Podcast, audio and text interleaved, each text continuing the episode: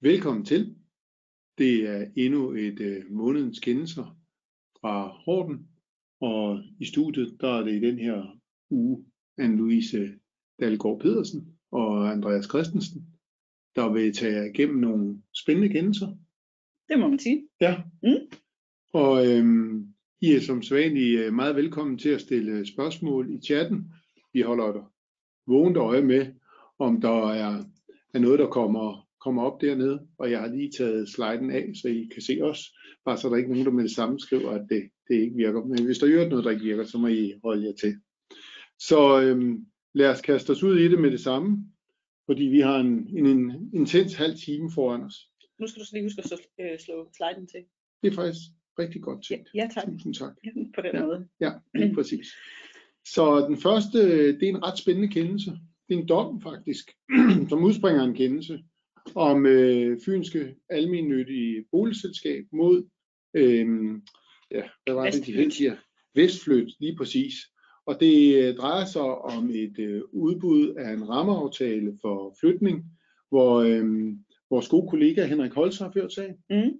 Og hvad Anne-Louise ikke ved, det er, at jeg har aftalt med Henrik Holse, at han kommer som gæststar her i studiet. Åh oh, nej, det lyder spændende. Det er da fedt, Ja, er det ikke? Så jeg har nemlig aftalt med Henrik, at jeg ringede til ham her klokken 9. Og så fordi Andreas ved, at jeg bliver sådan helt panikken, når vi skal lave tekniske indslag, øh, Præcis. når vi er live, fordi at det ved man bare, at det kan kun gå galt. Ja, og jeg vidste, du ville sige nej til det, så derfor øhm, undlod jeg at øh, bringe dig ind på det, og så kunne jeg til gengæld sige, at den skal jeg nok gennemgå. Det er godt. Hej Henrik. Fedt, du vil være med. Anne-Louise sidder her i chok. Øhm, og jeg lægger dig op til højtaleren, for så hører, håber jeg, at, øh, at alle vores, øh, vores medseere, jeg vil sige, der er, um, vi, er vi har godt øh, 200 øh, derude, så øh, du må, øh, vi sidder lige, og jeg ved ikke, om du har fulgt med på skærmen, har du det? Nej, Jamen, det skulle du det gøre. gøre. Altså, det er, ellers kan du altså ikke være med i, hvad der rører sig i udbuds Danmark, hvis du ikke... øh, Nej, Nej, men øh, vi har lige lavet en, jeg har lige lavet en kort introduktion til, øhm, til, til retten i, i Koldings dom af, af 17. december, men øh, du repræsenterede jo øh, det almindelige boligselskab her, og du har lovet at, at fortælle os, hvad den her mystiske sag går ud på, fordi når man læser dommen, så kan man faktisk ikke rigtig finde ud af, hvad der er op og ned på det, vil jeg våge påstå. nej. Jamen, øh, kan man høre mig? Ja, det, det, det kan man. Jeg har lagt højtaleren, øh, med, Det er telefonen med højtaler, og hvis de ikke kan høre dig derude, så må de endelig skrive med, jamen der er bliver allerede skrevet, ja, de hører dig fint, så det er, det er, Det er fantastisk. Så, så, Det er så, så så kører vi. Anne-Louise, hun sidder og bliver mere og mere, jeg får test bagefter, det glæder jeg mig allerede til. Ja, Nej, det er spændende. ja, Jeg tror, at man skal se den sag som øh, meget konkret. Øh, både kendelsen og dommen. Øh, problemstillingen gik jo ud på, at man øh, havde udbudt en rammeaftale øh, delt op i, i fem øh, afdelinger, hvor der skulle øh, ske, ske flytning fra.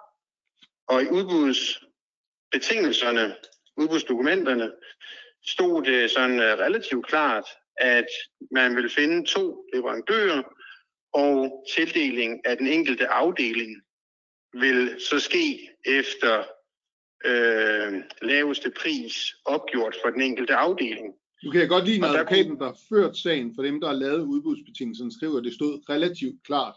Det lyder Ja. som om, det, det var nogle halvstuderede røver, der havde været i gang med at lave udbudsmateriale. Det var ikke mig, der lavede udbuddet, øh, men, øh, men, men det tror jeg egentlig også, der var enighed om, øh, at, at det, det havde man også forstået, da man afgav et tilbud. Øh, og det, der, hvor der kunne være en forskel, det var, at man skulle give en pris, for, øh, som, som var ens på, på, på tværs af de fem afdelinger, afhængig af, om det var en etværelses, toværelses, treværelses eller fireværelses lejlighed, som skulle flyttes. Og der kunne så være forskel mellem afdelingerne om, hvilken leverandør, der var billigst for den afdeling, afhængig af sammensætningen af lejligheder i den afdeling. Så det var ikke nødvendigvis den samme leverandør, der var billigst for hver af de fem afdelinger. Der, hvor det så gik galt, det var, at man i tildelingsbrevet fik skrevet øh, til klager, at øh, han var billigst øh, samlet set. Øh, det var sådan set også rigtigt nok. Øh, men at det galt for alle fem afdelinger. Altså, at man kun vil foretage én tildeling, og man kun vil anvende nummer to leverandør, hvis øh, nummer et leverandør af en eller anden grund ikke kunne øh, opfylde sine, sine forpligtelser. Øh, og det havde man jo så øh, som, som, som klager taget øh, som udtryk for, at nu er han altså blevet tildelt alle fem afdelinger, hvilket øh, øh, ordregiver ikke mente. Og det var det, klagen gik på. Ja. Og, og det mente klagenævnet jo så, at det, der stod i tildelingsbrevet, øh, ligesom overrulede udbudsbetingelserne. Og, øh, og gav klager ret i, at øh, de var blevet tildelt alle fem afdelinger. Ja. Øh, det indbragte vi så, og jeg tror nu nok, og nu skal jeg jo ikke sige, hvordan modparten har tænkt, men, men altså, det, det var for mig øh, højst usædvanligt. Øh, normalt kan man jo ikke ændre på udbudsbetingelserne i et tildelingsbrev, hverken i den ene eller den anden retning. Øh, så så jeg, jeg, jeg følte mig ret overbevist om, at en domstolsprøvelse ville have ændret øh, det resultat. Og det ved jeg ikke, hvordan modparten øh, opfattede med, men det, det, der vel nok skete, det var, at parterne på det her tidspunkt ligesom fandt sammen. Øh, fordi det, der var... Men inden der, Henrik, der klagenævnet, de siger, at det forhold, at man laver en, en uhensigtsmæssig begrundelse, det medfører i virkeligheden, at man har lavet et indkøb, som ikke har været i udbud. Er det ikke rigtigt forstået, og giver også en politianmeldelse? Ja. Ja. Ja, fordi det, det man jo havde gjort, det var, at man havde jo tildelt øh, tre afdelinger til, til klager, Ja. og to afdelinger til nummer to leverandør. Ja. Og, og den her tildeling af de to afdelinger til nummer to leverandør, mente klagenævnet så må karakteriseres som, at man havde tildelt uden udbud overhovedet, Mm. øh, fordi man skulle have tildelt det til, til nummer et. Mm. Ja. Øh, så derfor førte det jo øh, til en, øh, en politianmeldelse. Ja, ja. Så øh, Og det kan I selvfølgelig Ja. ikke leve med, og så indbringer I den for domstolen, for I tænker, det, det er en, det er en pudsig kendelse. ja, altså det var jo slet ikke, øh, for det første så var det jo ikke meningen øh, fra starten af, at man ville tildele alle fem til nummer et. Øh, det, det var jo meningen, at man ville gøre, som man havde skrevet udbudsbetingelser. Ja, Øh, for det første, så man havde jo også en, en kommersiel interesse i at fastholde øh, den, den, øh, den metode. Øh, for det andet, så mente man jo så, at kendelsen var forkert, og for det tredje, så var man selvfølgelig ikke interesseret i ovenikøbet skulle betale en for bøde for noget, man ikke mente, man havde gjort, og som man bestemt ikke havde nogen intentioner om. ja, Så, øh, så der var mange grunde til at indbringe den øh, for, for domstolen, og jeg tror set fra, fra klagersynspunkt, så havde de jo netop fået tre af de fem afdelinger, så de var jo i et løbende samhandelsforhold med ordregiver. ja, Og jeg tror ikke, at udsigten til en langvarig retssag med, med sin kunde øh, henset til det sandsynlige udfald af sådan en sag, øh, var, var, var specielt ønskeligt. Øh, så, så de fandt ret hurtigt sammen og, og blev enige om, at det var i, i begges interesse at, øh, at få afsluttet sagen hurtigst muligt og øh, med, med, med det resultat, at, at de simpelthen øh, anerkendte, at øh, tildelingen var sket korrekt. Så, så de nøjes med de tre afdelinger, de havde fået, og den, og den anden leverandør kunne, øh, kunne flytte for de to afdelinger, de havde fået. ja. Okay. Så der blev, altså, der blev faktisk, der er man nået til enighed sådan, at, øh, at klager i byretten tog bekræftende til genmæle, og dermed forsvandt sagen. Ja. Så vi ved strengt taget ikke rigtigt, hvad byretten ville være kommet frem til, hvis de havde fået, om de var, havde været enige med klagenævnen for udbud, eller om de havde omgjort den. Det, det, det, det, kan man ikke, det kan man ikke afgøre på den her baggrund. Nej, altså det, nej, det kan man ikke sige. Altså, dommeren har jo ikke foretaget nogen øh, vurdering. De har bare noteret, at parterne er enige, og så har de afsagt en dom i overensstemmelse hermed. De kan jo ikke gøre andet. Så. Øh, Henrik Malin, øh, hvad har det af betydning for den der øh, politianmeldelse og bøden? Du havde jeg lidt på. Mm. Er den stadig, står den stadig, eller, eller bliver den ændret ved, øh, med den dom, der er afsagt der? Den, øh, den bliver trukket tilbage, eller den er blevet trukket tilbage. Okay. Okay, fantastisk. Jamen, det var meget interessant, hvad der er kons- Hvad med dem der, der havde rådgivet i første omgang? Det var nogle revisorer, var det ikke? Har de betalt for alle omkostningerne her? Ja, det ved jeg ikke. Nej, det er også et ærligt svar. Jamen, det er jo bare meget spændende, hvad der sker, når, når øhm, i sådan nogle, fordi det er, den, den var vel ikke opstået, hvis der ikke havde været lavet en ret uhensigtsmæssig begrundelse. Nej, det kan du sige. Klagesager opstår af en årsag, men altså, Ja.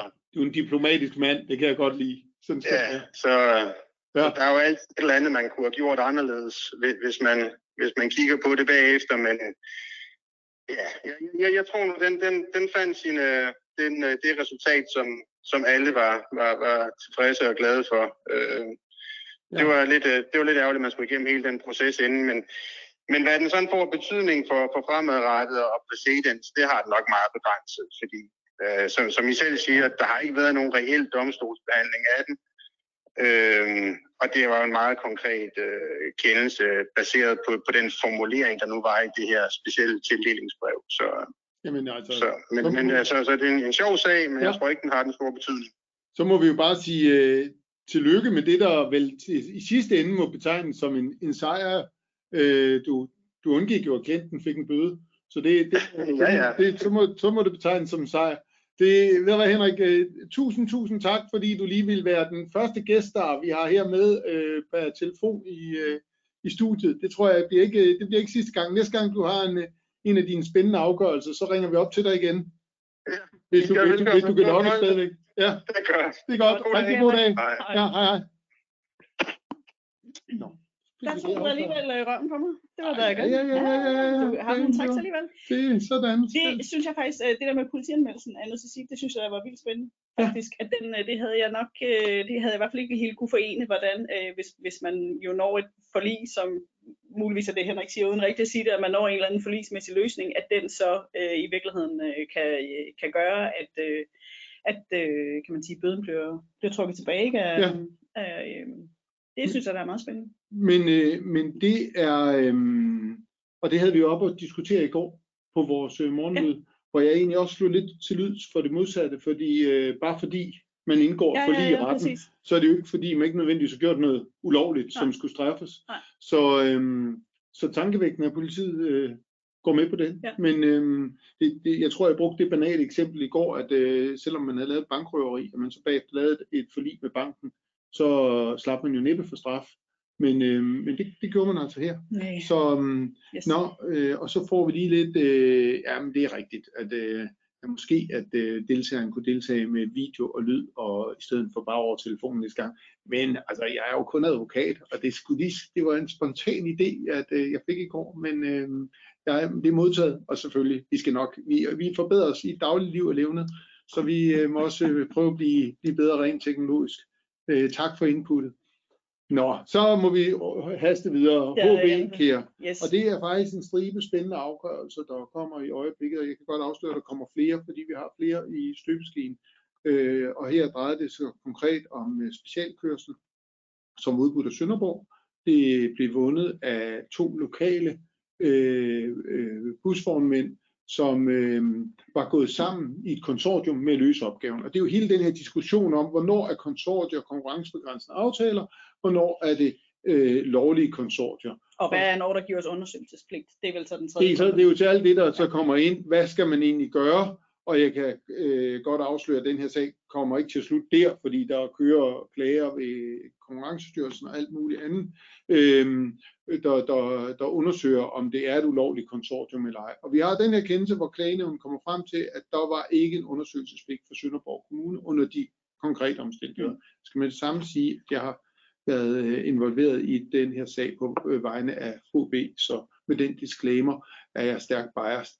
Øh, vi har en anden sag, der kommer øh, om ikke så længe, Mm. øh, og den kan jeg ikke sige så meget om nu, fordi den er ikke offentliggjort endnu, men, øh, og, så, og, og vi kender heller ikke det endelige resultat, men jeg kan godt sige så meget, at der kom klagenævnen frem til det modsatte resultat, at der var en undersøgelsespligt. Og det gør det bare vildt svært for kommunerne og for ordregiver at finde ud af, jamen, hvad skal de gøre, når der er konsortier? Hvor meget skal de gå ind i det? Og det er der jo det afgørende kriterium, der skal vurderes. Det er, om de to eller flere virksomheder, der går sammen i et konsortium, om de ville kunne løfte opgaven hver for sig, eller enkelt af, af dem ville kunne gøre det, eller om det, øh, eller om det er en forudsætning for, at de byder, at de går sammen i konsortiet. Og det er jo ikke sådan en, en, en vurdering, der er øh, super nem at lave for øh, den, den, øh, dem, der sidder og gennemfører udbud, for det har man ikke nødvendigvis, øh, det er ikke givet, man har forudsætningerne for det.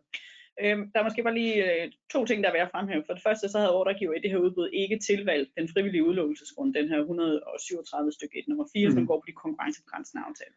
Og det betyder jo, at, øh, at vurderingen skulle ske efter udbudslovens paragraf 2, og det har vi i hvert fald en tidligere kendelse på, at paragraf 2 kan ligesom selvstændigt begrunde, at man smider tilbudsgiver ud, hvis, øh, hvis der er sikkert grundlag for at konkludere, at de har lavet noget, der er konkurrencebegrænsende. Den praksis bekræfter klagenødet jo med, med den her, ikke? Mm. og siger, jamen der er en, selv, en selvstændig pligt til at udelukke efter paragraf 2, hvis der er et sikkert grundlag. Altså, der, skal, der er det ikke nok, at der er plausible indikationer, som det hedder den frivillige udelukkelsesgrund. Mm. Der skal være et sikkert grundlag for at udelukke, og det kan også godt være, at det har haft afsmittende effekt måske på, øh, på en ordregivers undersøgelsespligt så siger klagenødene også, at det, at der er flere virksomheder, der går sammen, eller det, at der er flere virksomheder bag et tilbud, det udløser ikke i sig selv en undersøgelsespligt. Det forhold, at der er en forbigået tilbudsgiver, der prikker ordregiver øh, på skulderen og siger, vi tror, at konkurrenten sådan og sådan, det udløser heller ikke i sig selv en undersøgelsespligt.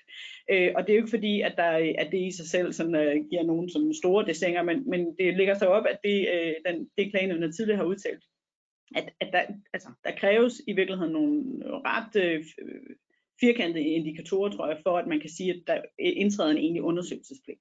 Øh, i forhold til, i forhold til om, om der er Og så bliver der jo spurgt her relevant, øh, hvad er, det, hvad er et sikkert grundlag? Ja, og, og, ja, og det, det er 100.000 kroner spørgsmål. Præcis. Ja. Og man kan sige, at det ordregiver her jo også klogt øh, gjorde gældende, det var, jamen vi som ordregiver øh, det er jo øh, super komplicerede konkurrenceretlige vurderinger, øh, som, øh, som vi øh, selv konkurrencestyrelsen kan tage over måneder om, og, øh, om at foretage. Og hvis, hvis vi skal afvente en, en fuldstændig korrekt vurdering hos konkurrencestyrelsen, som måske ingen der vil tage sagen op, så vil det fuldstændig bremse alle udbudsprocesser. Så der må tillægges ordregiver et ret vidt skøn i forhold til, er der, er der overhovedet en konkurrencebegrænsning her? Er der overhovedet øh, noget at undersøge? Og det går klagenerne med på i den her, øh, kan man sige, øh, i, i den her kendelse, og siger, jamen det er rigtigt, at, øh, at, at der må ligesom tilkomme ordregiver et skøn i forhold til at vurdere, hvornår er vi der. Øh, og det, det vil jeg egentlig også forvente, at det er den linje, klagenødet øh, har lagt, men med det undtagelse, at vi ved, at der er en kendelse på vej, hvor klagenødet så går, øh, går fuldstændig kontra på et øh, ikke så meget anderledes grundlag, synes jeg egentlig. Så, så der, er, du også lille der er også en lille smule bias, men, men, men øh, altså, der er må ja. komme på det. Ja, så det bliver ikke det sidste, vi kommer til at høre om konsortier, og jeg er helt enig, det er story of our life.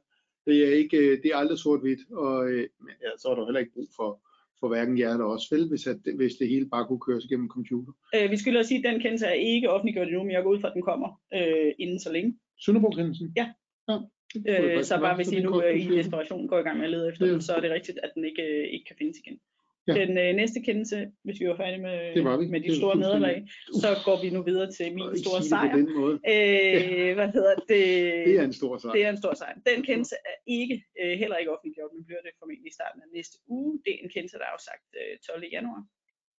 Den øh, angår regionernes store fælles udbud af den her landsdækkende akutlæge helikopterordning, et øh, kæmpe, kæmpe stort udbud til, jeg ved ikke, 100, 170 millioner euro. Det er en enormt stor kontrakt hvor man har udbudt det som et udbud med forhandling, øh, og har været igennem også et længerevarende øh, forhandlingsforløb. Hmm. Og, øh, og man kan sige, den, øh, det udbud og det indkøb har jo været ret omtumlet, fordi det er udbud, i hvert fald udbud nummer to, som, som regionerne er igennem, fordi det har været lidt svært øh, i, i markedet måske lige at finde ud af, hvor, hvordan man skulle skrue udbudsgrundlaget sammen.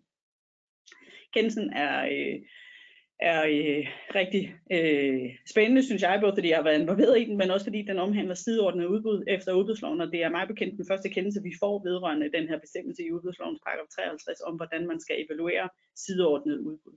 Det regionen havde gjort, var, at de havde udbudt den her kontrakt med fire parallelle løsninger i virkeligheden. Der var en løsning med øh, hvad hedder det, fire store helikoptere, i en øh, tidsbegrænset kontraktperiode og en tidsubegrænset kontraktperiode, så var der, øh, så det var to parallelle løsninger, så var det de sidste to parallelle, som gik på øh, to små og to store helikopter i henholdsvis en tidsbegrænset og ikke tidsbegrænset kontraktperiode. Så fire parallelle løsninger, alle fire skulle der afgives tilbud på, og så var der i udbudsgrundlaget nogle, nogle bestemmelser om, at øh, ordregiver foretræk øh, de øh, fire store helikopter, tror jeg det var, at man foretræk en øh, tidsubegrænset kontrakt, forudsat at det ligesom kunne holdes inden for den økonomiske ramme, som, som ordregiver havde til rådighed. Øh, altså den var ikke offentliggjort, den økonomiske ramme, men man, man ville ligesom tage højde for, om, om man kunne få sine præferencer øh, opfyldt øh, inden for den økonomiske ramme. Man får øh, tilbudene ind, øh, tre tilbudsgiver, som hver afgiver tilbud på de her fire parallelle løsninger. Man øh, kigger på dem i den endelige evaluering og kan se, at man kan få sine præferencer opfyldt inden for den økonomiske ramme, så man evaluerer kun på den ene af de her løsninger og tildeler så på det baggrund det, øh, hvad hedder det, blev der klaget over, og den, det, det, der er, det, der er den principielle, kan man sige, øh, i, i den kendelse, det er spørgsmålet om, var det regionen havde skrevet i øh, udbudsgrundlaget, var det nok til at opfylde den forpligtelse, øh, der er i udbudsloven, og der står, at hvis man laver sideordnet udbud, så, øh, så skal man sikre, at evalueringen, øh, evalueringen sker i overensstemmelse med paragraf 160. Og det betyder jo i vores optik, kan man sige, at så var, er man forpligtet til som ordregiver i udbudsgrundlaget at beskrive, hvordan er det, man har tænkt sig at evaluere de her sideordnede udbud. Man kan ikke, som man gjorde i gamle dage, og måske nok stadigvæk kan efter tilbudsloven, indhente et øh, sideordnede øh, udbud, se på dem og tænke, jeg foretrækker løsning A, og så evaluerer vi kun tilbudene på løsning A.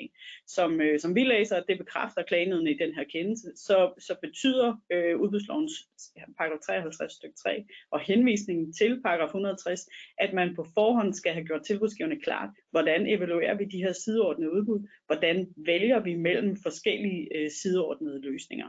Og, og der kan man ikke komme afsted med sådan lidt, øh, lidt, øh, sådan lidt øh, løsere og proserformuleringer om, at, at man, man foretrækker det ene og det andet. Og altså, det skal være lidt mere håndfast øh, med, i tråd med, med, med det, vi jo i øvrigt øh, kender fra, øh, fra øh, hvad hedder det, udbudslovens paragraf 160.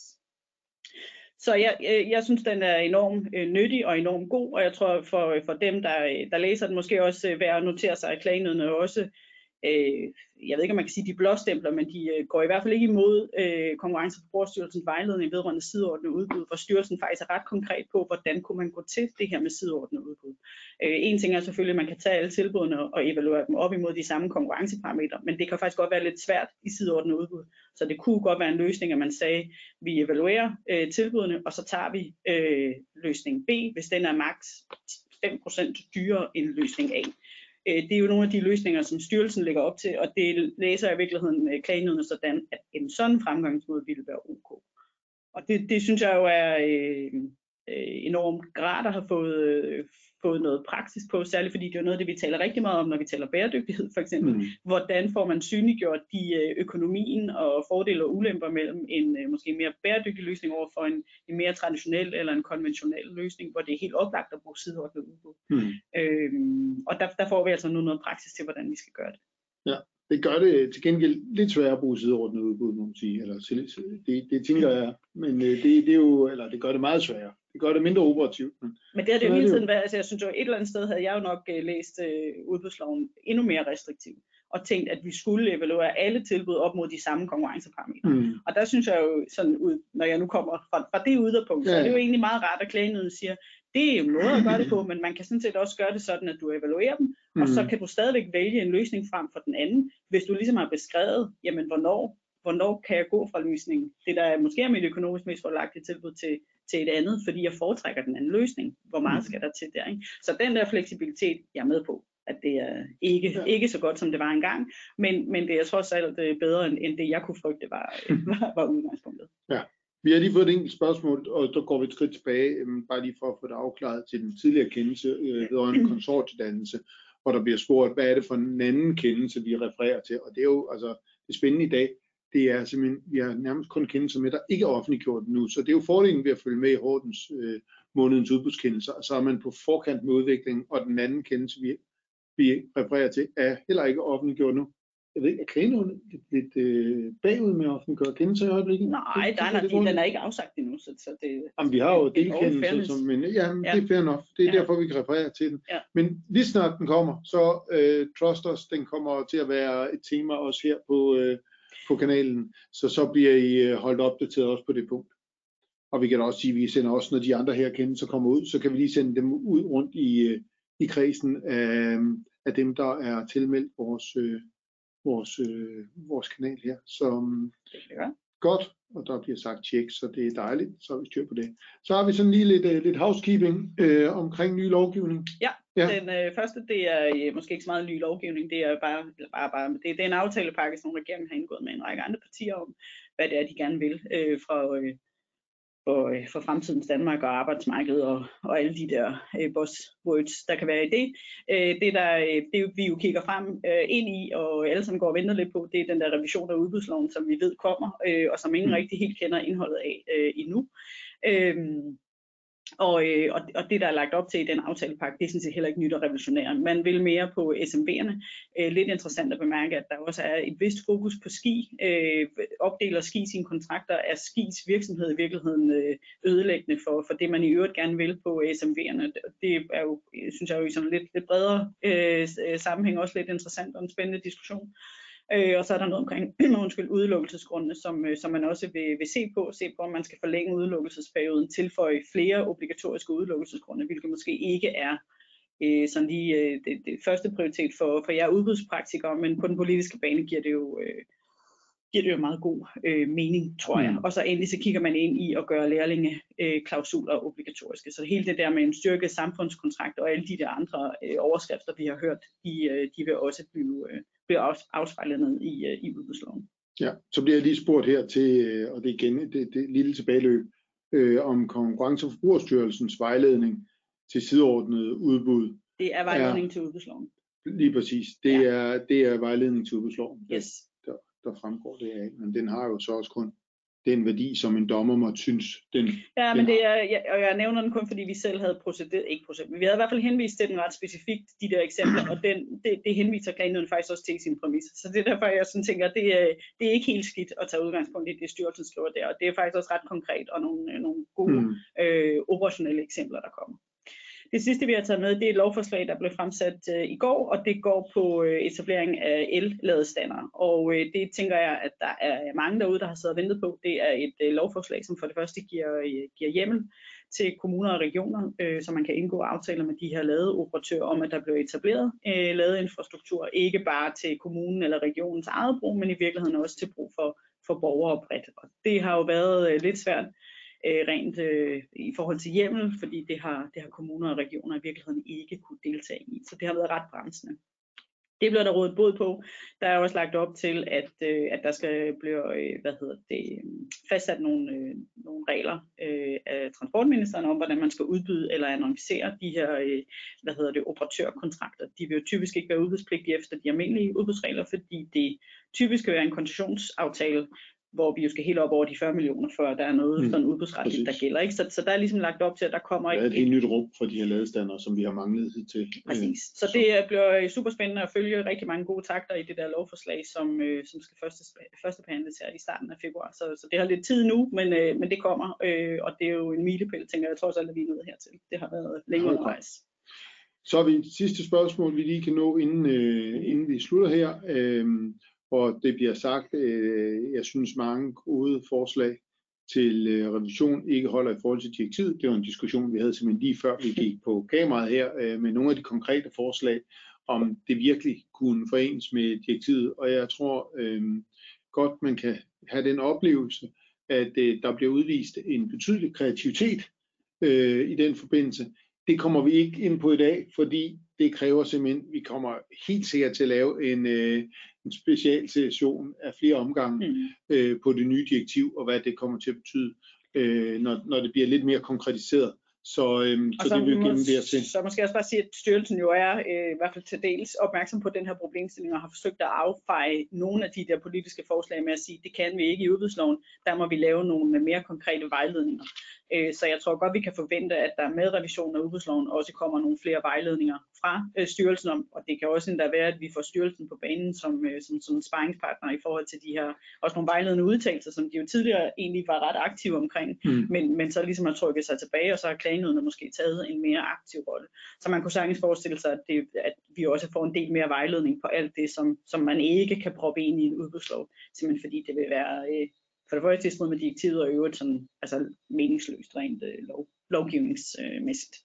Ja, så kan man sige, det der med at lave det i en vejledning, det bliver også lidt som at tisse i bukserne. Fuldstændig. Det kommer til at give meget arbejde til advokaterne, det, det, fordi det ændrer jo ikke, altså hvis du er ulovligt, bliver det ikke bedre af, at det står i en vejledning.